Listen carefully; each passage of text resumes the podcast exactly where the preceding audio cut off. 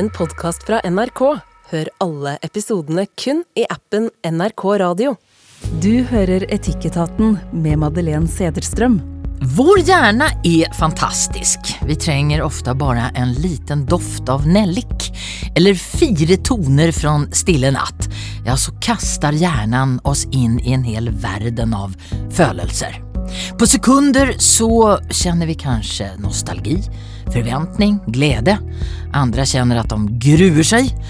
Og vår otroliga hjärna kommunicerar med oss via de her følelsene. Men det er kanskje ikke alltid vi skjønner hva den vil, eller hvor alle de her følelsene kommer ifra. I Etikketaten så skal vi dykke ned i de der grunnverdiene som ligger i oss, og prøve å tolke vår kaotiske verden via etikk, moral og i dag litt estetikk, faktisk. Dagens panel består av komiker Ahmed Mamov, redaktør i Kulturavisa Subjekt Dan Bershoy og psykolog Peder Kjøs. Og jeg heter Madeleine Cederström. Eh, vi skal begynne i estetikens världen verden, faktisk. Eh, fordi vi skal begynne med julen. Firar du jul, Ahmed? Nei, jeg feirer ikke jul. Og det er ikke noe Jeg er oppvokst muslim, så det er liksom ikke så veldig mye jul i barndommen. En gang, eneste gang vi hadde julstemning, det er når, um, på skolen. Da. Så, men jeg har en veldig rar forhold til jul. Da. For meg så er det som når det er julaften, så er det en vanlig tirsdag. på en måte. Damby? Jeg har et veldig eh, komplisert forhold til julen, fordi jeg vokste også opp med nesten bare muslimske venner og på østkanten i Oslo, på Oppsal, hvor jul egentlig ikke ble feiret noe særlig. Og så um, ja, følte jeg meg litt utenfor da jeg, mine foreldre skilte seg og vi flyttet til Oslo.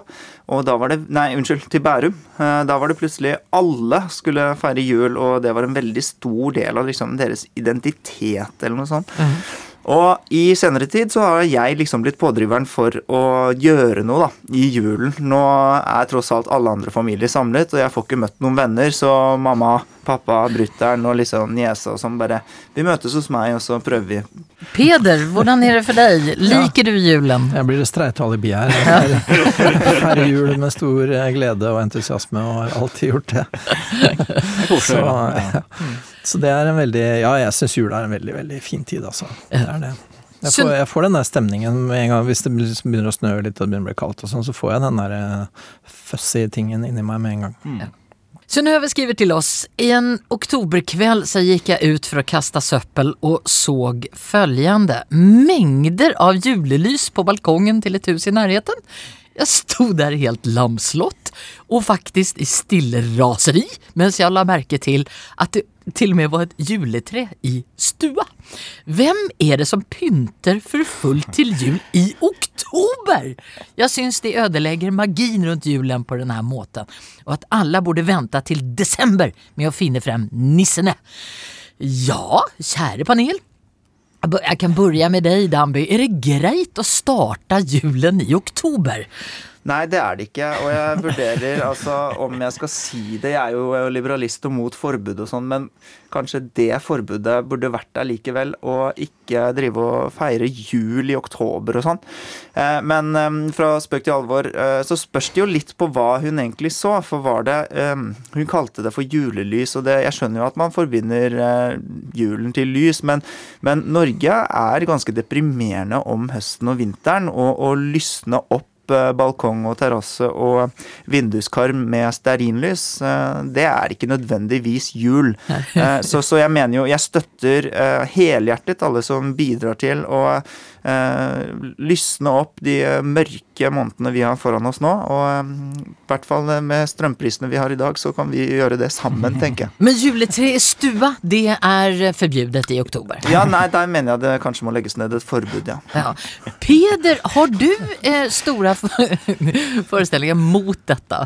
Nei, jeg, jeg festa meg særlig ved den detaljen at hun presiserte at hun var ute med søpla. Så det var ikke for å stalke folk sine julevaner hun var ute. Hun var ute helt legitimt ærend, men hun la tilfeldigvis merke til dette, da. Det er det de sier. Ja, ikke sant. Så, men eh, ja, nei. Jeg, um, jeg, er egentlig veldig enig i det der med at den her pyntetrenden som har spredd seg, med at det er sånne gjerne sånne små lys over hele balkongen hele vinteren, egentlig. Det er jeg veldig tilhenger av. Jeg syns det er kjempefint. Jeg syns det er ordentlig fint. Og det begynte jo i jula, og så har det spredd seg utover. Og nå er ikke det julelys lenger. Det er liksom mm. vinterlys, på en måte. Og det er jeg veldig for. Jeg syns det er kjempefint. Og, men juletre i oktober, det Hvor får du kjøpt juletre i oktober? det, det, det, er veldig mange som har plastjuletre ja, nå for tiden, og bare drar opp det. Ja, men um, juletre Har du noe forhold til dette overhodet? Taget, eller gir du fullstendig beng i det her? Nei, jeg har absolutt uh, minimal forhold til det. Men det kan hende at de som hadde juletre i uh, stua nå, er fordi at det er inflasjon. da. Det er billigere å feire jul nå enn i desember. da. For nå er prisene kanskje litt lenger ned. Ja. Men, uh, men, så tenkte jeg altså at å, ha et tre inne er ikke så farlig. Og hvis det er juletre, det er ikke så farlig. Men det er bare at det er en sånn eh, ja, Kan være litt sånn sykelig, da. Å komme og ikke, og ikke klare å vente. Da, ha litt tålmodighet. Hele poenget med jul er at du skal på en måte glede deg til noe. Og hvis du bare pre-feire jul. Du mister effekten da, hvis du ikke venter til desember. Da, på en måte. Det er jo hele poenget. liksom. Men eh, Peder, den her forventningen mm. om det å holde igjen, ligger det litt eh, etikk i dette også? Ja, ja, det er jo et spørsmål, da. Jeg, jeg, tenker vel, Vi er vel på en måte vel så mye i eh, estetikken som etikkens eh, verden her. Og eh, det at ting er knytta til en viss tid og til visse ritualer og sånne ting, det er vel litt det at det vannes jo ut, da, hvis man på en måte begynner også å spre det for mye utover. Og jeg tror det er derfor folk reagerer også på at de finner sånne juleskumnisser i butikken i oktober. Liksom. For hva er egentlig problemet med det?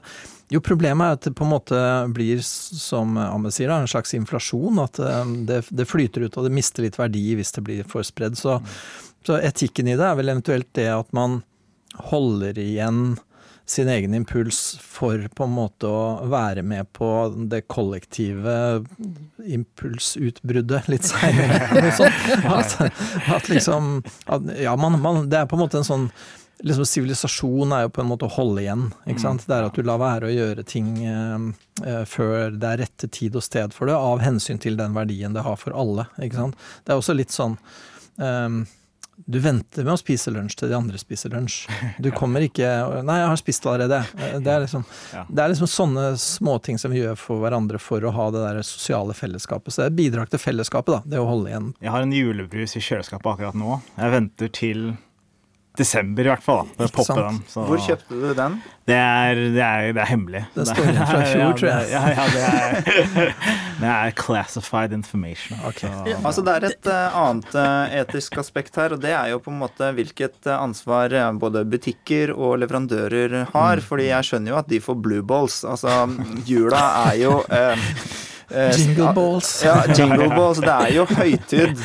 Ja, sånn blir det når du inviterer tre gutter i panelet. Ja, det, Madeleine. Ja, det, det, går bra. Ja, så bra, så bra. Nei, men altså, det er um, Jul blir jul av at det ikke deles ut fordeles utover alle måneder. Mm. Mm. I den grad vi bryr oss om tradisjoner og sånt, så kan man jo selvfølgelig bidra til det. Men, men, det er først og fremst et estetisk spørsmål. For meg er dette et spørsmål om stil. Det er ingen stil over det å drive og feire jul i oktober. og den er jo det som, som virkelig kan dette, med stilen. Men det, det, ja, ja, vi har funnet fram en, eh, en eh, undersøkelse som ikke er fagfellevurdert, for å si det sånn eh, en ett tidskrift som heter Journal of Environmental Psychology. Eh, her fastslår man at det å pynte til jul det kan påverka hälsan både fysiskt og psykisk og at man blir i glad og i godt humør av det. Og pynter du tidig så vil man gå og glede seg lengre, hvilket også produserer positive hormoner som vi har godt av. Eh, psykologen kan få lov å uttale seg. ja, nei, det, jeg vet ikke, ass. Det, det, nå har jeg jo ikke sett den forskninga, vet hvordan den er gjort, da, men Der vil jeg faktisk lene meg litt på eh, eldre mm, litteratur. Eh, Spinoza, da, en av mine litt sånn favorittfilosofer, han syns jo at liksom eh, glede og naturen og impulsen og sånn, det er naturlig, og det er godt for oss å utfolde oss i tråd med vår natur. Men det er også godt for oss å holde igjen. Det er godt for oss å kjenne at vi har kontroll. At, at, for det er på en måte sånn skille mellom følelser og affekt. ikke sant? At du kan få sånn affektutbrudd at 'jeg må ha jul nå', men følelsen er at liksom Jul er digg, og det er digg fordi man venter, så ventinga er digg. ikke sant? Det, mm. det er, og det er en mye dypere måte å tenke på, da. Mm. Og det, det, man føler seg så full av integritet, ikke mm, sant. Og, venter, så, ja, og liksom man får litt respekt for seg selv og sånn, og det, det syns jeg er ganske kult. sånn. Eh, nå om dagen så er det ganske mange konservative tenkere, Jordan Peterson og ganske mange sånne populære blant gutta, som snakker om at man skal slutte å se på porno og sånn.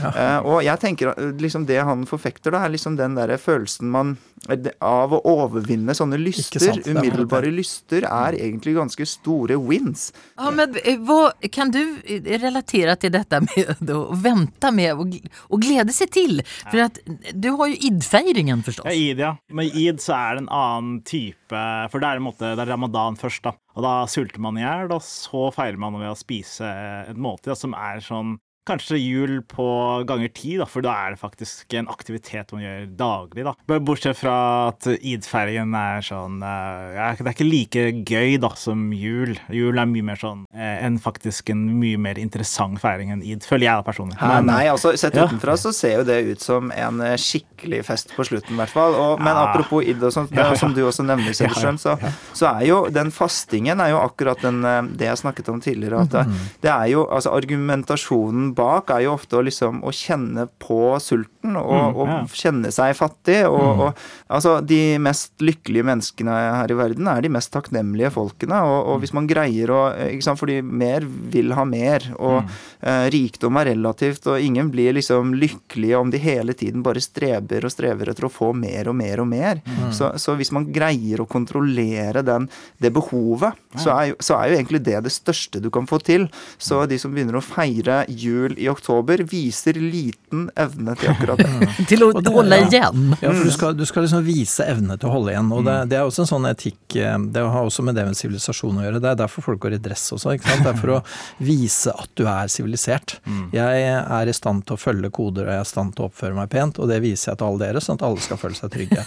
er det derfor Dambi Hapsa, hvis du ikke hadde dressen, så ja, ja, hadde det vært helt ja, det er jo, truende, liksom. Ja, og respekt for andre. Mm, ja. Og situasjoner. Det er faktisk det det går på. og Den der, hele den der holde igjen, slipp-tingen ja. går jo på det. Å demonstrere. Mm. Alle sånne spiseregler, at man spiser med kniv og gaffel og ikke med fingrene. Ja. Mange av de der tinga som er sånne pålagte sivilisasjonsting, er jo demonstrasjoner av selvkontroll. Mm. Uh, for at ikke andre skal bli redde for at du er ute av kontroll.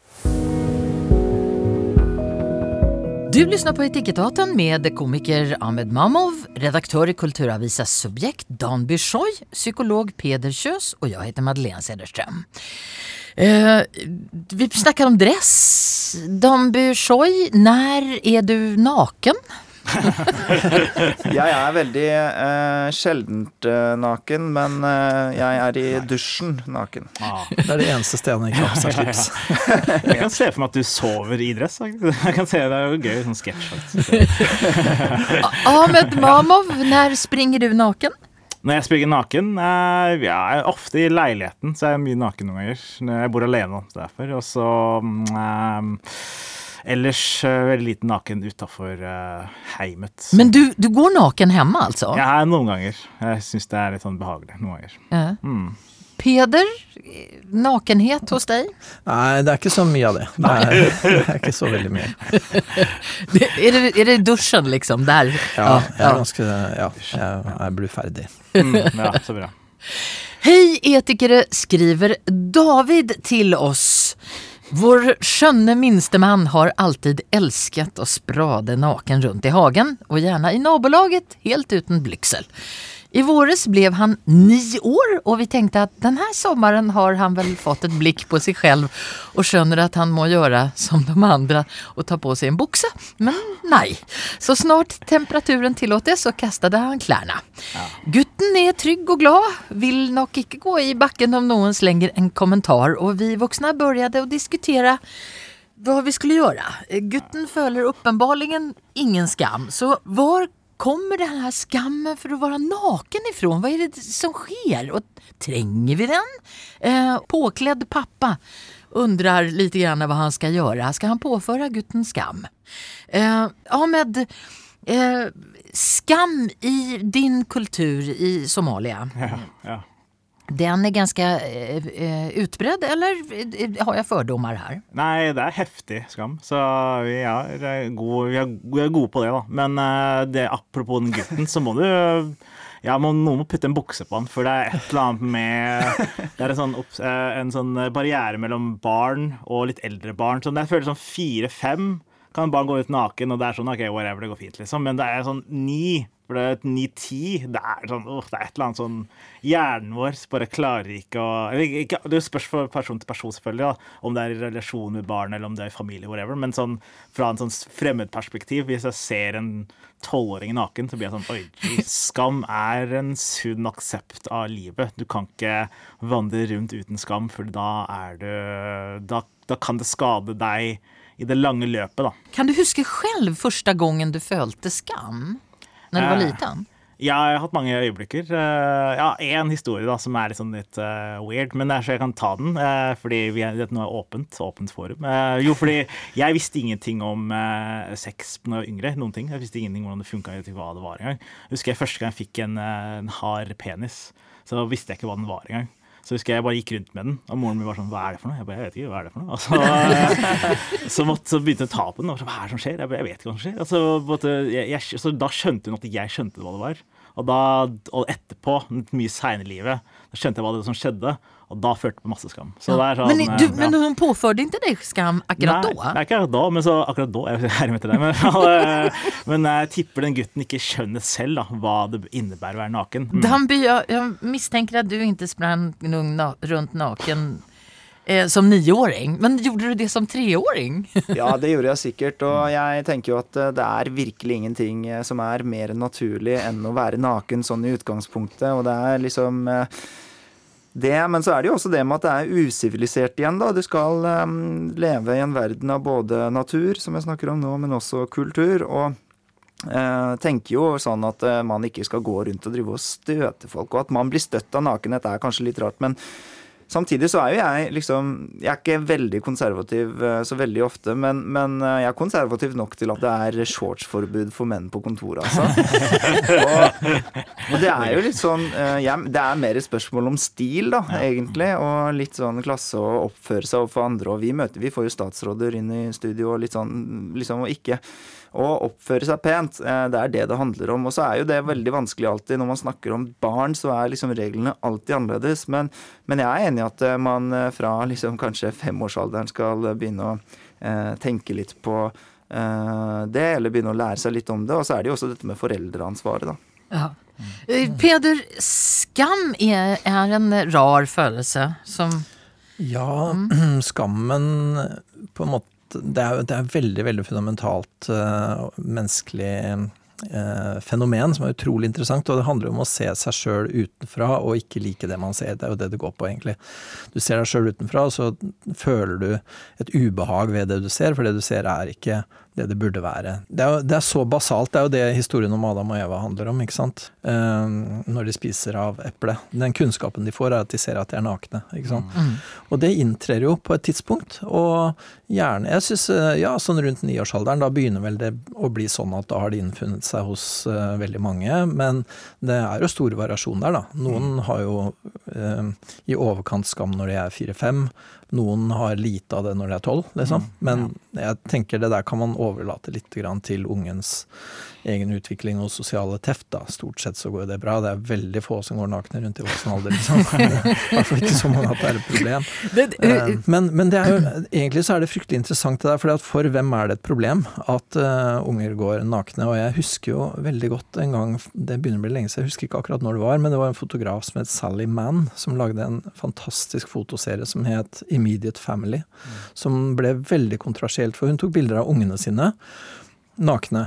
Eh, hjemme på gården, liksom. Og det var litt sånn der eh, Edens hagestemning over det hele. Og de ungene løp rundt eh, nakne og sånn. Og folk reagerte fælt da. øh, både på 'oi, så skrekkelig med nakne barn uten skam', og 'oi, så skrekkelig at en mor øh, tar bilde av barna', og sånn. Men det som øh, Hvis man liksom ser de bildene, så får man følelsen av at hva skjer med meg når jeg ser nakne unger, og hvem har ansvaret for det? Mm. Så du får liksom din egen respons i trynet. sånn at heller enn at det er barna som skal skamme seg, så vekker det skam hos den som ser. For, Var, var det inte det hun sa også? Hun jo, hadde det, var som hele greia, ikke sant? Mm. Det var jo poenget med hele den fotoserien. Og den var så effektiv, og den var så Jeg tenker den var veldig viktig, da. Fordi at den på en måte eh, la det ansvaret tilbake. At det er ikke, det er ikke liksom nødvendigvis den nakne som bør skamme seg. Det er du som ser, og du som legger i det det du gjør.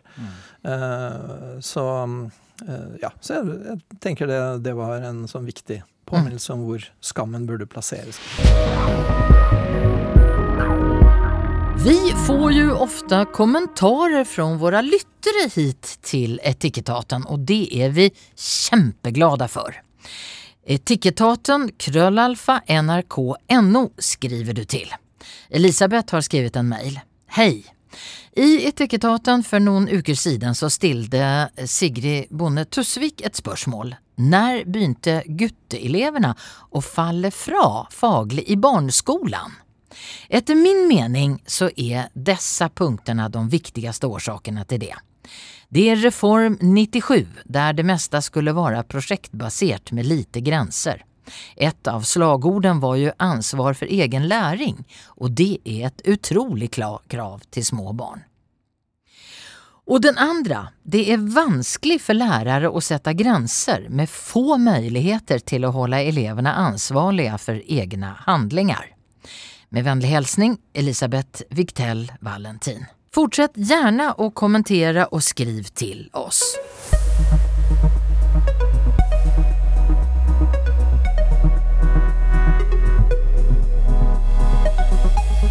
Du lyssnar på Etikettaten med komiker Ahmed Mamov, redaktör i Kulturavisas Subjekt Dan Bishoy, psykolog Peder Kjøs og jeg heter Madeleine Cederström.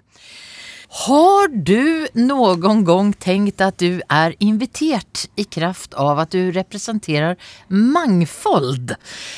Eh, Ahmed, Ja. Ja og ja. Nei.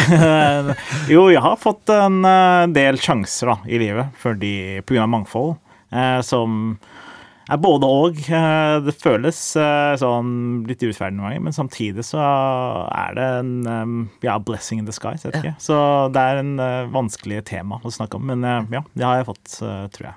Damby, har du noen gang tenkt at du er invitert i kraft av at du representerer mangfold? Jeg håper ikke det, men mistenker at det har skjedd. Peder? Jeg føler litt at jeg representerer mangfold her i dag. Jeg er den eneste hvite mann på 50. Så Ja, endelig så er du faktisk Ja, du er det. Ja. Hvit mann 50? Eh, ja, 55, precis. faktisk. Eh, Vi i NRK og veldig mange andre virksomheter er pålagde å kvotere inn mangfold på alle nivåer. Hvor etisk er det egentlig? Damby?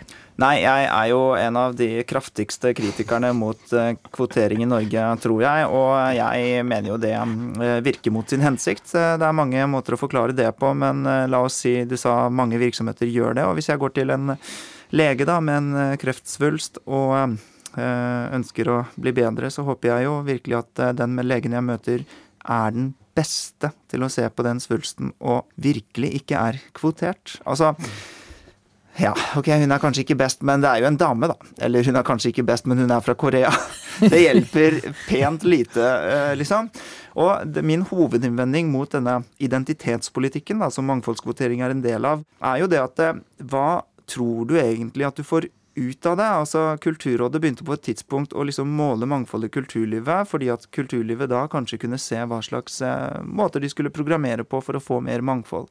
Men hvis jeg går inn i operaen, og de liksom sjekker ja, han er brun, og han er homo, og vi har for lite av det ellers, hva er det de tror da at liksom fordi jeg er homo, så må de ha mer dragshows. Altså, jeg kunne ikke brydd meg mindre om dragshows. Og hvis de, hvis de tenker at ja, han er koreaner, så han vil ha mer k-pop, så kunne de ikke tatt mer feil.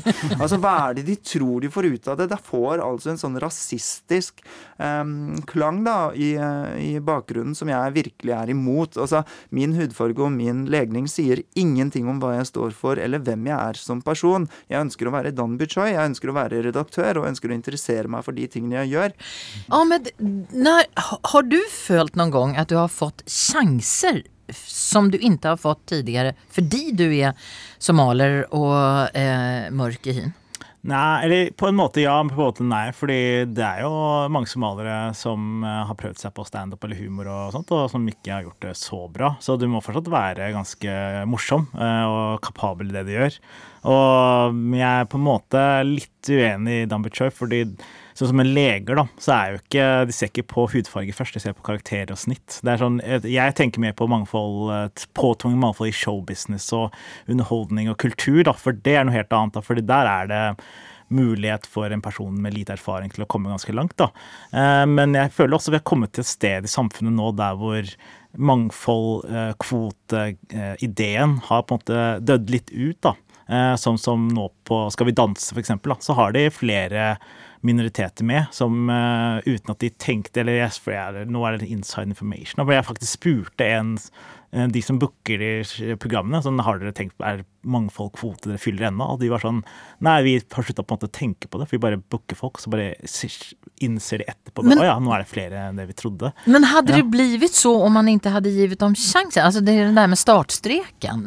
Ja, startstreken eh, Jeg føler det er veldig 90-tallsmentalitet. Eh, den Eller fra gamle dager, på en måte. Nå er det sånn du kan Ja, det finnes programmer, da, sånn som i NRK så har de sånn nye stemmer og liksom forskjellige steder du kan som flerkulturelt melde deg på, da. Men det er bare en sånn ekstrahjelp. Det er sånn Man kan ikke bygge en karriere bare pga. mangfold. Du kan ikke være en mangfoldig person og sånn 'Jeg vil bli en popstjerne', og så vil noen på en måte hjelpe deg til å bli det. Sånn, du må fortsatt ha noe i bunn, da. Men Peder, etikken i dette, ja, det, er jo, mm. det er jo at, at, du representerer noe annet enn deg selv. Det er akkurat det. Og det har jo vært veldig viktig da, opp gjennom eh, tidene for å få inn da, kvinner, f.eks. Men, men hvorfor er det problematisk? Jo, det blir jo problematisk fordi det støter jo imot den, øh, den individualismen, da, som er, vel, som er, en helt grunnleggende bærebjelke, egentlig, i vårt uh, samfunn og vår måte å tenke på. At du er deg, og alle mennesker er like. Det kommer jo egentlig Det er veldig veldig sterkt til uttrykk i kristendommen, ikke sant, men det der med at her er det ikke jøde og greker, og liksom mm. uh, alle er like foran Gud og alt det der, som er noe helt annet enn det som var før, hvor det var sånn at du hadde avtalen din med Gud var basert på din avstamning, da. At du mm. hadde den rette eh, bakgrunnen, og derfor så hørte du til. Men så kommer Jesus og sier at det har ingenting å si. Det er på en måte individualisme. Mm. Og det har jo vært veldig, veldig sterkt opp igjennom i vår kultur hele tida. Og så har det vært noen veldig sterke forsøk på å lage mer kollektivistiske ting, sånn som f.eks. at man skal ha en identitet knytta til nasjonen eller til arbeiderklassen eller sånne ting, men individualismen står likevel så sterkt at folk liksom eh, I alle fall her, i ja, den vestlige verden. Ja, mm. at folk forventer på en måte å bli sett som seg, og ikke som representant, og man opplever det litt som en fornærmelse å bli sett på som representant. Det er jo det jeg syns jeg hører mm. begge dere to andre her i panelet sier, at liksom det ville vært en fornærmelse, liksom. Men Ahmed, jeg tenker på du, det, i, i, den somaliske kulturen der, in, där står jo individualismen ganske lavt, antar jeg. ja, ja. Jeg kommer fra en kultur som er motsatt av individualisme. Da. Der det er mer sånn gruppementalitet. Som eh, er helt annen eh, på en måte, livsstil. Da. Eh, mm. Som, det er derfor mange somaliske, i hvert fall foreldregenerasjonen, har på en måte hatt det vanskeligere i Norge. fordi der hvor individet står, står sterkt. Uh, og til og med som i min barndom, da, syns jeg var Det var det mest sjokkerende kultursjokk uh, jeg følte på da når jeg møtte vennene mine jeg var hjemme hos dem da, og så hvor individer de var. da. Jeg var sånn Oi, her, her du har ditt eget rom, og du har ditt eget uh, TV. og du var, det var sånn, Oi, det er så rart, liksom. Men uh, det er ulemper og fordeler til det, selvfølgelig, til å være individer. Men, men betyr det f.eks.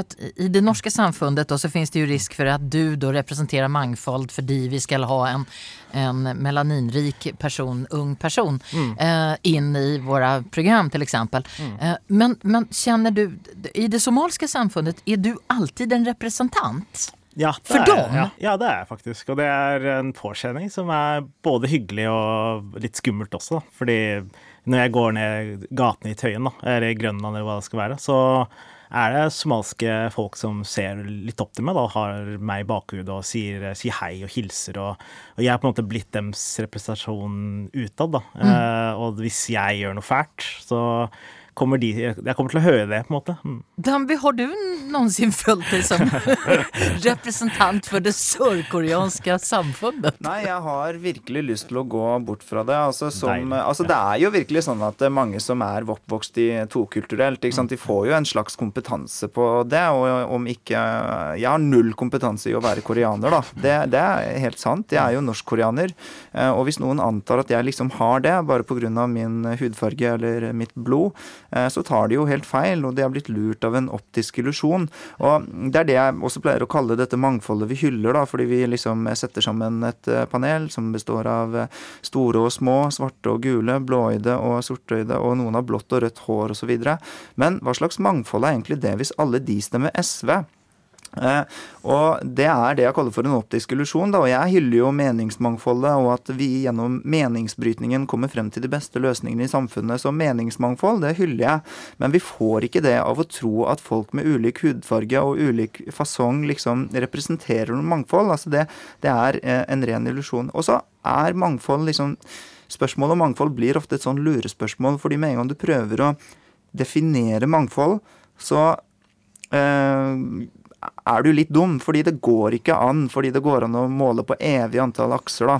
Eh, så for eksempel i Subjekt så er vi like mange kvinner og menn, sånn mer eller mindre. Men vi hadde vært mye mer vi hadde vært et mye større bidrag til mangfoldet om vi bare var menn. Det er sant, fordi at nesten alle redaksjoner består av kvinner og menn. Ja, og det, består, det finnes nesten ikke en eneste redaksjon med kun menn. Og jeg mener jo at hvis du f.eks. skal ta opp mann, da, mannsproblematikk osv., så, videre, så kan det jo hende at det er riktig. eh, Og at eh, det bidrar til et mediemangfold og en medieflora som er mer mangfoldig og mer gnisning mot hverandre, da. Så, så eh, man må aldri fastsette en eh, størrelse på hva mangfold er. Eh, og så må vi hele tiden selvfølgelig jobbe for dette. Og når det er sagt, så skal jeg jo innrømme at eh, jeg kan ikke se for meg noe annet yrke enn i journalistikken og i showbiz og alle disse stedene hvor mangfoldet er en større styrke. Hallo, vi skal fortelle historier, og vi skal representere samfunnet osv. Men det er fort gjort at vi lurer oss selv til å tro at bare fordi jeg er norsk-koreaner, så er jeg liksom en representant for koreanerne. For jeg kjenner mange som er obsessed med Korea, som er mye bedre til å formidle Korea enn meg. Og de er hvite jenter som har lagt sin elsk på k-pop. Så, så jeg mener at det, det, den der lettvinte måten å gjøre det på, liksom godhetssignaliseringen NRK eller andre gjør, og viser ved at liksom Se her på gjengen vår, vi ser annerledes ut. Så tenker jeg alltid ok, men dere stemmer alle SV, og hvem tror dere dere er? Jeg syns det, det er veldig interessant å høre, for det er veldig viktig, helt klart, det du bringer inn der med det med de flere aksene. fordi at hva er, Når er vi fellesskap, og når er vi individer? Og vi er jo fellesskap når vi trenger fellesskap, ikke sant? og da må fellesskapet bunne i en felles interesse. Og hvis du på en måte antar at alle som har den hudfargen, har en eller annen form for felles interesse, da er det klart at det er ikke sikkert at det stemmer, men det kan ha stemt en gang. ikke sant? Jeg tenker på sånn som Da det var eh, en veldig liten andel av folk med mørk hud i Norge, så var det en type fellesskap som innebar et fellesskap, da. Men og samme, med- samme ja. det med kvinner og menn. ikke sant? At, at på en måte i en del sammenhenger så er det relevant at kvinnene er kvinner, og i en del sammenhenger så er det ikke relevant. Og det er ganske vanskelig å skille. Så jeg syns det er veldig interessant det du sier der om at øh, hvis man på en måte hauger i hop da, folk ut fra et eller annet kriterium, så kan det ha vært relevant en eller annen gang, men det er ikke sikkert det er det nå. liksom. Damby, sy syns du at det har vært bra Ja, att jeg gjør det. Og takk for at du spør meg, og jeg har muligheten til å si det. Men altså, eh, jeg eh, mener jo at eh, identitetspolitikk må ta slutt en eller annen gang. Og Mm. så foreslår jeg at det burde begynne å fases ut nå. Jeg tenker det Eh, er forskjellige at- grupper, det er forskjellige Ja. typer identitet. Jeg tenker på for eksempel sånn som- Homokampen. eh, Ja, ja. Den er jo på en måte jeg, jeg vet ikke, sånn utenfra så ser det ut som at den er vunnet, men jeg hører jo veldig mange si at det føles slett ikke sånn fra innsida, liksom. Men samtidig så er det altså sånn at du kan ikke styre vedta hva en homofil er og skal tenke og mene. Altså F.eks. i transspørsmålet. Hvis du spør på Gaysir, som er et sånn homonettsted, så mener over halvparten av de homofile at det kun finnes to kjønn. Mm. Og når man da lager en sånn identitet av LGBTQ 2 i A eh, og liksom kjøre en kampsak for det, så er det mange som ikke hører, føler seg hjemme. da, Så det spørs litt på hvordan du skal kategorisere dette. Og så er det f.eks. Himanshu Gulati, som er eh, Folk er sånn Ja, hvordan kan han være en Frp-er og inder? Altså, der har vi blitt lurt igjen ikke sant, mm. av vår identitetstankegang. For det første så er han hindu-inder, elite. For det andre så er han på Stortinget og en av de rikeste på Stortinget. Mm. Og ikke sant, Du har blitt lurt da, av tankegangen om at en innvandrer ikke kan være innvandringskritisk, eller at en innvandrer ikke kan mm. ha visse meninger. Alle indere er fattige. Ja, ikke sant? Og hvis du, og hvis du tenker det, så, så, er det altså så mange flere fallgruver man kan gå i, enn om man faktisk går helt bort fra det og ønsker seg et samfunn hvor man ikke kvoterer folk på basert på hudfargeegenskaper, fordi at det tross alt mest sannsynlig oftere vil slå feil enn det vil slå rett.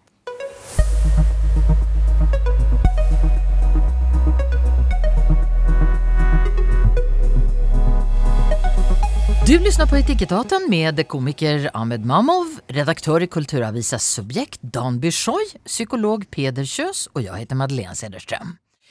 Ja, börjar med deg Ahmed. Elsker du Norge? Ja, jeg elsker Norge, ja. Det er litt sånn cringe å si høyt, men ja. Det er, men det er, ja, jeg liker Norge, ja. Eller jeg, ja, jeg liker Norge veldig godt. Jeg, så, ja, elsker, ok, jeg elsker Norge. Faen, du får det ut av meg, greit. Dan, ja.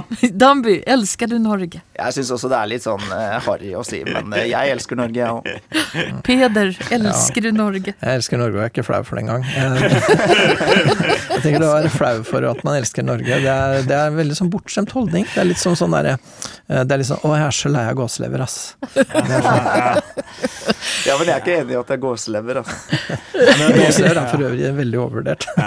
Det smaker fruktansvært. Ja, og dyrefiendtlig er det også. Ja, det er bort med gåslever. Um, men fra gåslever til Norge. På internationella kåringar över levekår så kommer ju Norge ut eh, på topp ofta. Vi är rika, vi är like, vi är tillitsfulla, vi är ärliga. Men Norge är ju också ett vanskligt land att bo i for för eh, många. De sociala koderna är vanskliga att förstå för många och samfundet er segregert langs klasse og etnicitet. Men det er en sak som er helt klar. Nordmenn elsker landet sitt. Og da er mitt lille spørsmål Jeg er den eneste som da ikke er født og uppvuxen i Norge. Er det ok å synes så godt om seg selv? Og hva gjør det med oss og vår forståelse for omverdenen? Eh, Ahmed, har du alltid elsket Norge? Uh, nei, det, jeg visste ikke at uh, Norge liksom Når du er barn, da, så får du får liksom, i barneskolen så, ja, Norge er et fint sted, og du får veldig mye informasjon om hvorfor det er bra, og du får mye sånn ja, god, god indoktrinering, da, føler jeg, da. Mm. Eh, men Norge er jo også fordi, fordi, jeg har jo foreldre som kommer fra utsiden inn, da. Opplevd det også. Og da, det, det har vært veldig mye Det er mye rart her som ikke nordmenn ja, Som du sa, det er veldig mange sosiale koder og mye sånn vennskapsgrupper og mye sånn som er veldig lukka, da. Mm. Som ikke nordmenn vet selv, da, for man, man er jo på en måte privilegert i at man er oppvokst i den verden allerede. Eh, så vi har på en måte opplevd den stygge siden, på en måte. Eh, ja, fortell ja. litt om den, for at din oppvekst ja. var vel kanskje ikke rosenrød? Nei, det var ikke rosenrød, nei, men det var vel annerledes. Fordi eh, som sagt, vi ikke visste ikke om sosiale koder, og, og man fortalte fortalt veldig lite. da, Så jeg var på en måte eksperimentbarnet da, som måtte, måtte oppleve mye fælt da, før vi på en måte skjønte hvordan ting funka. Sånn som første gang vi skulle ha sånn eh, aktivitetsdag, så skjønte jeg ikke foreldrene hva aktivitetsdag betydde. Så når jeg møtte opp, så hadde jeg på olebukser og vanlig jakke, mens alle kidsa hadde på seg parkdress og ski på beina. Og så frøs jeg i hjel og var skikkelig lei meg og måtte dra hjem tidlig. og sånt da. Så det er sånn, eh, sånn, sånne eksempler, da. Danby, jeg leste noe sted en artikkel der du fortalte at dine eh, sørkoreanske slektninger tykte synd om deg for at du bodde i fattige Norge. ja, og det har de um, fremdeles rett i, men ja. Og det går jo an å se på det på ulike måter. Og det er selvfølgelig en slags lureformulering, fordi Norge er jo verdens rikeste land. Men, men uh, når de tenker på oss, da, min mor og far, som er, som er reist ut fra det på andre måter rike Korea, så tenker de på butikker som har stengt på søndager. Dårlig mattilbud.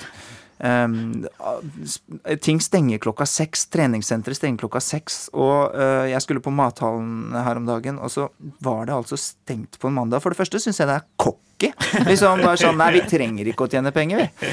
Og for det andre så tenkte jeg liksom Pottitlønn. Altså, jeg trenger eh, å kjøpe gåseleveren din på mathallen. Eh, altså, jeg skulle innom mathallen tilfeldigvis, og, og, og, så var det mandag, og da var det stengt. Det hadde aldri vært i Sør-Korea. Nei, altså, nei, nei, nei, der er det døgnåpen barbecue og ikke sant, hvite duker også, hvis du vil, sikkert. Og det, det er jo selvfølgelig sånt som kommer med alle de grusomhetene som også kommer med at man er er veldig tett befolket, og markedene er så store. Mm. Uh, men jeg um, syns jo egentlig at vi, uh, vi hyller en del sånne ting som jeg ikke sy syns gir helt mening, da, sånn søndagsstengt og sånn. Peder, eh, vad gör det med oss att vara så glad i landet sitt? Så att man... mm. Svenskarna är ju inte det. Ja, det, är ju ganska, det är ganska många andra länder som inte hyllar sitt eget land på samma sätt som Norge. Ja, I Sverige mm, har jag jo inntrykk av at uh, Dette er bare veldig veldig subjektivt inntrykk, men jeg har litt inntrykk av at i Sverige så er det litt sånn at man skal hate uh, sitt eget, og man har veldig mye sånn, jeg vet ikke, en eller annen sånn merkelig skyldfølelse for å, være, for å være et bra land, eller et eller annet sånt, noe som ikke har slått til så veldig i, eh, Norge. Jeg har litt følelse av det. I Danmark f.eks. har de jo ikke det. Der er det mer sånn som i Norge, liksom. At liksom, ja, vi er best, so, liksom. Har du noen innvendinger? Ikke sant? ja, det er mulig at det er litt koketteri i Sverige ja, også. Ja, jeg, jeg, har følelsen av det, uten at jeg egentlig kjenner svensk kultur i dybden. Men mm. Eh, jeg, hva det gjør med oss, er et veldig interessant spørsmål. Jeg tror en av tingene det gjør med oss, er at vi føler oss veldig trygge. Vi føler oss privilegerte og trygge, og vi kan slappe av. og Vi har eh, lov til å ha vondt på steder som andre ikke vet at fins engang. Eh, vi har lov til å ha behov som andre folk ikke har. Den luksusen å kunne kjenne på, og det er bra, tenker jeg da. Jeg syns det er kjempefint. Et sånt fenomen som jeg har hørt om, er uh, sånn eh, Norwegian immortality.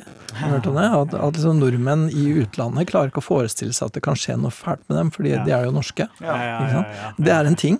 Ja, det er ekte ting, ja. nordmenn går rundt i verdens eh, mest forferdelige by og regner med at hvis du bare vifter med det norske passet, så kommer det til å ordne seg, liksom. Ja, det er fascinerende. Jeg har venner som har dratt på backpacking, og jeg hadde aldri turt det. Jeg, var sånn der, jeg drar til ja, Sørland Sør, ja, jeg, til, jeg skulle til Guantanamo Guantánamo, men jeg skulle si ja, sånn Sør-Amerika. Ja. Og så bare er de bare sånn Ja, bare gå rundt. Jeg bare sånn Wow, ja, bare går rundt. Fordi man sånn. er så godt vant. Ja, og det å være så godt vant, det er uh, veldig bra. Det er bra for oss på alle mulige måter. Og så uh, er vi stolte, da. Vi er veldig stolte av det um, samfunnet som vi har vært med på å bygge opp, og som vi har overtatt, og som vi vedlikeholder så godt vi kan. Ja. Men, men, kan det ikke være sånn også at nordmenn kan oppfattes som en aningscocky utenlands? Jo, fordi at den, den eh, mørke sida av å føle seg trygg og på plass og privilegert og glad og tatt vare på, er jo at du også kan bli ganske sjølgod, da. Ikke sant? Og at du kan på en måte føle at liksom eh, vi har Alle burde egentlig gjøre det sånn som oss, og det er vi som setter standarden. Vi er rett og slett best, liksom. Og, så, og, og det er vanskelig å argumentere mot fordi at det er veldig langt på vei er sant, da. Ikke sant?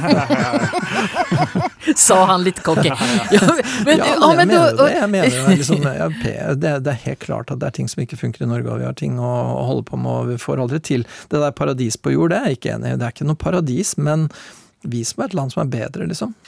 Men Peder, er det ikke litt etisk problematisk å være så der og bare synes at alt det man selv står for, er, er bra? Det er jo etisk problematisk å rett og slett mene at man er best, og at ens egen måte å innrette seg på burde være standard for andre. Mm. Så for det er helt Jeg syns det er viktig det du sier, Amund, med at liksom litt sånn det fins forskjellige måter å leve på, og det går an å trives eh, i helt andre mm. opplegg og sånn. Eh, og det å liksom det fra, fra, å være veldig fornøyd med sitt eget, til å mene at sånn burde også andre. Nærmest som misjonsbefaling, liksom. Ja. Det tenker jeg er etisk veldig vanskelig, da. Mm. Ja, det tenker, kan man jo ikke gjøre, for mm. man må jo la folk få innrette seg som de vil. Mm. Jeg tenker også at uh, Norge er et av verdens beste land å bo i med tanke på de velferdssystemene og sånn som vi har, men uh, det er også veldig Vi har også et av verdens dyreste byråkratier. Vi har en vanvittig stor stat. Og det betyr jo at eh, hver eneste nordmann må jobbe kanskje to timer ekstra hver eneste dag da, for å betjene det. Og det er jo ikke nødvendigvis den eh, beste måten å leve på heller. Vi har råd til det, vet du. Men ta, ta et land som, som USA da, som, som da eh, anser sig själva være det beste landet. De, veldig mange amerikanere sier jo at det finnes jo i alle fall inget land som er bedre enn Amerika å bo i. Har de fel då? Spørs hvor rik du er, altså, egentlig. Det Ja, hvis spørs hva du regner. Ja, hvis du regner, ja. For hvis du, er, for hvis du er rik i Norge, så er du, da er du rik, men det er ikke sånn, det er ikke sånn crazy rik. Men hvis du er rik i USA, så er du sånn crazy, crazy rik. da. Det er noe helt annet. Og du ha- tilsvarende USA fattig. ja, ja, tilsvarende. Hvis du er fattig i USA, det er veldig fattig. Liksom. Så det er eh, spørs på hvilken klasse du, ja, hvilken klasse du er i. da. Och det gjør det ikke i Norge? Eh, jo, til en viss grad, men ikke like mye. Det, blir- det som er trist, er jo eh, forskjellen blir større og større for hvert år, eh, nå som også renta går opp og sånt. Så det er jo egentlig ganske kjipt. Men eh, jeg håper at det jevner seg ut i nærmeste fremtid. Dambi, blir det verre og verre fra år til år? Jeg tror vi lenge nå har eh, gått oppover og kanskje nådd en slags peak, hvor vi kan forvente oss eh, en utflatning i eh, kanskje både lykkenivå og eh, materialistisk eh, overflod, og det er kanskje like greit. Du lyssnar på Etikettaten og vi skal til et stadig återkommende tema, nemlig døden. Hvor havner du når du dør, Ahmed? Jeg vet ikke. Er det lov å si? Ja. Ja, altså det er jo egentlig det smarteste man kan si, tror jeg. Jeg, jeg, jeg vet at jeg kommer til å havne i jorden eller i en sånn derre Sånn man brenner opp i. Mm. Og Peder, var... Ja, jeg tror også det ender opp som en uh, veldig liten, litt trist forsamling eh, eh, elementer som en gang har utgjort en del av meg, og som nå ikke lenger gjør det. Hade du haft någon ønske om å fortsette efter døden? Nei, Jeg vil bare kommentere og presisere at jeg mente liksom at kroppen min havner i jorden, så jeg tenkte bare å safe den, da. Ja. Altså sjelen min, det Ja. har det ingen kommentar. Neida, men sjelen min eh, ønsker seg jo til eh, himmel og ikke helvete, da, om eh, det er de to det står mellom. Eh, og så, men jeg må merke altså, jeg vokste opp i en uh, kristen familie, og vi gikk i kirken og sånn, så uh, jeg trodde jo lenge, da. Eh, og, men på et tidspunkt så sluttet jeg å tro det, så jeg vil nok mm. fortsatt mene at jeg står der, og at jeg tror det kommer til å bli veldig sort og stille og egentlig ganske herlig og digg, ja, å være død. Jeg har jo også, men det er jo at vi lever videre i folks sine minner. da. Ja. Så når du faktisk dør, det er når de som husket deg, også dør. Ja, kanskje Paradisa ble huska. Ja? Ja, men Det var en veldig, veldig viktig innvending, og kan det egentlig kanskje være en sånn eh, Kanskje noen egentlig mente det mens de skrev religion? Ja, ja, ja. Ikke sant? De, altså, vi mistolker jo ting hele tiden, og, og det kan jo hende at folk bare Å, de er så woke, de skjønner ikke hva jeg egentlig mente. Det er ikke noe himmel, men, men liksom, du lever i folks minne, og der vil du minnes godt. Ja, ja, ja. Nettopp. Ja. det er jo i, i sånn liksom førkristen religion og sånn, så er jo forestillingen veldig sånn som du sier, at man eh, Hvis du tenker det greske dødsriket, eksempel, det er en sånn skyggetilværelse hvor du fader, da. Du blir borte, du forsvinner. Og det er jo veldig likt det at du forsvinner ut av minnet, på en måte. Ja. Og, ja, og måten man lever videre på, er jo Man holder forfedrene i live ved å hedre dem, på en måte, men det er bare det. Eh, og så har det etter hvert blitt til på en måte en slags forestilling om en sjel som lever evig, og det er jo egentlig en Det er en litt underlig forestilling, men den er også helt ekstremt utbredt. Eh, Jeg tror vi alle mennesker har den følelsen av at det er noe annet. Det er, liksom noe, det er noe ved oss som ikke bare er kropp. Ahmed, trenger tränger du å tro på at du fortsetter på noe sett, at det blir mer enn bare kropp? Mm, både og. Jeg tror jeg trenger eh, noe å ta tak i som ikke er bare fysisk. Men eh, det er mer bare sånn kulturelt at jeg har en måte oppvokst i det. Så da, er det i, eh, i genene mine da, å tenke sånn. Så, fortell litt ja. om, den, om den forestillingen. Hva, hva forestiller man seg i den muslimske verden skal ske? Nei, det er mye greier. Altså. Det er, først så er man sånn skjærsildeopplegg, og så blir man eh, portert til et annet sted, og så skal man sånn skal man på måte, Jeg tror de skal gå gjennom livet ditt, og så må, så blir det på en måte vurdert om det skal opp eller ned, og så er det mye opplegg, da. Mye, mye kultur. logistikk. Ja, mye logistikk, ja. Mye, uh, mye byråkrati, da. Uh, så det håper jeg ikke, da. Hvis det er etterlivet, så no thanks.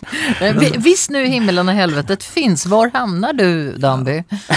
uh, det- spørs hvem du spør. Altså, jeg, altså, mange tror jo jeg er ond, ikke sant? Og jeg eh, Gjør de det? Ja, fordi at ikke sant? For eksempel når jeg er mot eh, mangfold, da, som høres ut som noe så hederlig, så er jo ikke det fordi at jeg er imot eh, eh, liksom ideen eller mot det gode. Det er jo bare fordi at jeg ønsker, jeg ønsker meg noe bedre, ikke sant. Og, så en som er kritiker, eh, eh, det er jo også noe som liksom oppfattes som ondt. I hvert fall hvis du er kritisk til pride, eller kritisk til mangfold, eller kritisk til Black Lives Matter, eller et eller annet sånt. Men det er jo egentlig å ønske seg den beste pride, den beste Black Lives Matter, osv. Så, videre. så jeg tror at eh, det finnes folk som vil mene at jeg skal til helvete, altså. Så det er det også sikkert blant kristne. Jeg er jo homofil og sånn, så det spørs virkelig hvem du spør. Men, men det der med å um, føle at man er en del av noe større og sånn, det er, jeg føler liksom at det, jeg opplever nok mening i livet. Det, er det ikke litt det det går på? At man, man eh, de, kanskje de ser litt større og tenker litt større, da, de som er religiøse. At eh, de finner mening i noe som er liksom ut, beyond life. Det er en, finns en, en etisk eh, spørsmålsstilling om døden som er litt spennende, og det er hvem taper på døden? For her har det vært en eh, slags grunnforestilling. Den som er død kan jo ikke tape. Ja, og det er jo Og det er forferdelig interessant. For det, det er jo hvem taper på at noen dør? Det er jo klart at selvfølgelig den som dør, taper jo framtida. Det er noe av det vonde med å dø, er jo på en måte tapet Det er verdenstapet, da, som eh, er Bernhard Ellefsen skriver veldig fint om i en bok som heter Om døden, tror jeg, hvis jeg husker riktig. Eh, At det, det fæle med å dø er verdenstapet. Det at du mister alt. Du mister det å være med, det å se hvordan det går, det å på en måte fortsette å ha kontakt med de du er glad i, det å være til stede for de som trenger deg. Alt det blir borte. Og det er jo forferdelig. Det er jo helt eksistensielt grusomt, ikke sant.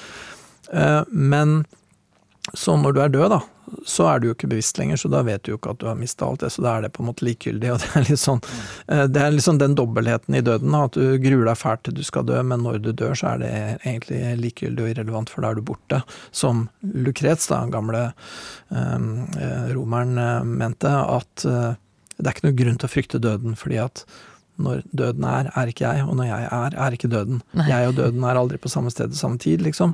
Um, men da skal du være rimelig hard, da, hvis du skal tenke sånn. Da har du ikke det verdenstapperspektivet i det hele tatt. For det er en risiko der, fordi du skaper jo et nytt problem. fordi at hvis du tenker deg at det er eh, en verden etter dette, og at hvis du skal komme inn der, så må du ha følgende tro, for eksempel, da. Så ligger det et imperativ til deg til å prøve Da ligger det en oppfordring til deg til å prøve å redde folk, da. Ikke sant? Jeg husker Jeg hørte den derre Talen til han Ole Hallesby, den berømte talen fra 1950. Helvetestalen, ja. Helvetestalen, ja. Eh, og på en måte, den er jo fæl, for han sier det at liksom Hvordan kan du, som ikke tror, våge å legge deg til å sove når du ikke vet om du våkner i et brennende helvete? Ikke sant? Og jeg tenker det er på en måte så kan man si at det er en skremsel, men hvorfor? Hva er Hallesby sin motivasjon? Og jeg føler veldig det at når jeg leser hele den talen, så er det desperasjonen til en mann som ser folk gå inn i helvete, og han prøver å redde dem. Han prøver å si 'Ser du ikke hvor du er på vei? Ser du ikke hva som er i ferd med å skje?' Og han har liksom en sånn voldsom drive i seg til å redde folk som han syns eh, er på vei inn i flammene, da. Ikke sant? Og det må man jo forstå. Man må jo forstå at det er forferdelig for han å se folk han er glad i gå til helvete, liksom. Uh, Ahmed, hadde du barnatro? Eh, ja, jeg trodde på himmel og helvete da jeg var yngre. Men det var, uh, helvete var så skildra så intenst i islamen, altså, så man blir veldig redd for det. Men så husker jeg jeg tenkte i sånn tolvårsalder sånn shit, jeg kommer til å havne i helvete. Jeg, kommer, jeg liker for mye musikk og, og kose meg, på en måte. For da var, jeg vokste opp i en veldig sånn streng versjon av islam. Der var det sånn ah, det er ikke lov å høre musikk, eller det er ikke lov å se filmer. Og det, er som, det var mye som ikke egentlig ikke lov å gjøre, da. For fade og sånt. Da. Det er veldig strengt, da. Men Hvordan, eh, hvordan var ja. det da? Å være redd for døden og helvetet som tolvåring? Ja, det er en veldig sånn intens følelse, men samtidig så bare Etter hvert så aksepterer man det, og så etter hvert så skjønner man at ja, det kan være fiksjon, og etter hvert så tenkte man bare sånn ja ja, da men, Man mister også litt troen, da, ved å liksom få så sterke konsekvenser, da. Fordi man, eh, hvis man bare får så sterkt inntrykk av helvete, så blir man litt sånn blasé til eh, tanken av det også. Fordi man tenker sånn Ja, men hvis det er så lett å komme inn der, så er det ikke vits å prøve engang. Så da, det syns jeg er så bra strategi. Du er allerede fortapt. Ja, jeg er fortapt allerede, så det er ikke noe vits å prøve. Så det, hvis jeg skulle anbefalt noen imamer da, om å rekruttere nye mennesker, så blir jeg heller bare fokusert på det positive, ikke så mye negative. Damby, hadde du barnetro? Jeg var jo kristen i oppveksten og sluttet med det da jeg ble voksen, så man kan jo kalle det for en barnetro. Du, du trodde på himmel og helvete da, eller? Ja, da trodde jeg på himmel og helvete, rett og slett. Peder, har du hatt en forestilling om en barnetro? Eh, ja, jeg hadde nok det. En eh, litt sånn usystematisk barnetro, siden jeg ikke er vokst opp eh, med en veldig tydelig kristendom. Da. Foreldrene mine var ikke noe spesielt opptatt av de spørsmålene der. Så jeg drev, men jeg drev og fomla litt med det aleine og hadde nok noen forestillinger. Jeg hadde også litt sånn derre Litt sånn tendenser til å tenke at helvete kanskje var et alternativ, og at det ikke var så ålreit og sånn. Men, men den barnetroen min, den hadde veldig lite fundament, da, så den forsvant ganske ja, den luska seg litt ut bak veien. Mm. Var du redd for å dø? Ja, jeg var jo det. Men jeg var ikke sånn opptatt av det, egentlig. Men når jeg tenkte på det, så var jeg redd for det og syntes det var fælt og sånn. Men jeg kan ikke egentlig huske at jeg tenkte så innmari mye på det. At du skulle havne i helvetet, eller? Nei. Nei, jeg tenkte på det av og til, men, men Og det er rart at du, du kan ikke liksom innimellom tenke at du kommer til å brenne for alltid, men når du er barn, så kan du det, da. Ja. Damby, var du redd for å havne i helvetet? Ja, det var jo det jeg var redd for. Som, men hadde du veldig klare forestillinger om hva helvete var? Det var jo det karikerte bildet av et mm. brennende, hett, rødt sted. Lava ja. overalt. Ja. ja. Demoner. Ja. Det är, eh, det är ganska kul för att eh, det, det, här föreställningen om det brännande helvetet, eh, den, det är en, ganske ganska ny tanke. Ja. För att den, då, i de gamla skrifterna, till exempel Dantes, all, den här mm. Dantes Inferno, mm. där är det den sista ringen, det skickliga helvetet, där står de upp och ner nedfrysta i is. Mm. Ja, ja. ja det, men Jesus snakker jo om ild havet, ildsjøen. Mm. Så det, det, har kommet og gått litt. Og for Dante så var det på en måte en sånn slags logisk slutning at det skulle være maksimal avstand fra lyset og sola og Gud. Mm. Og da ble det is og null bevegelse og dyp frost, da. Mm. Så der er djevelen liksom frossa inn.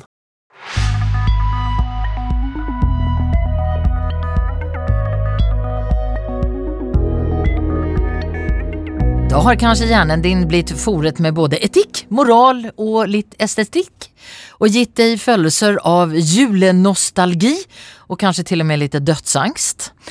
Hvis du har noe du vil at vi skal snakke om, eller har kommentarer, så skriv til etikettaten krøllalfa nrk.no.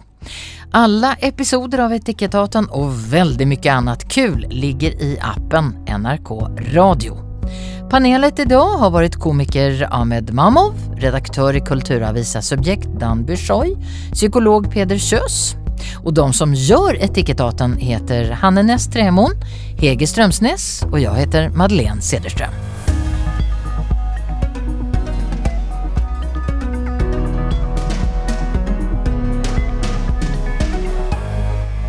Du har hørt en podkast fra NRK. Hør alle episodene kun i appen NRK Radio.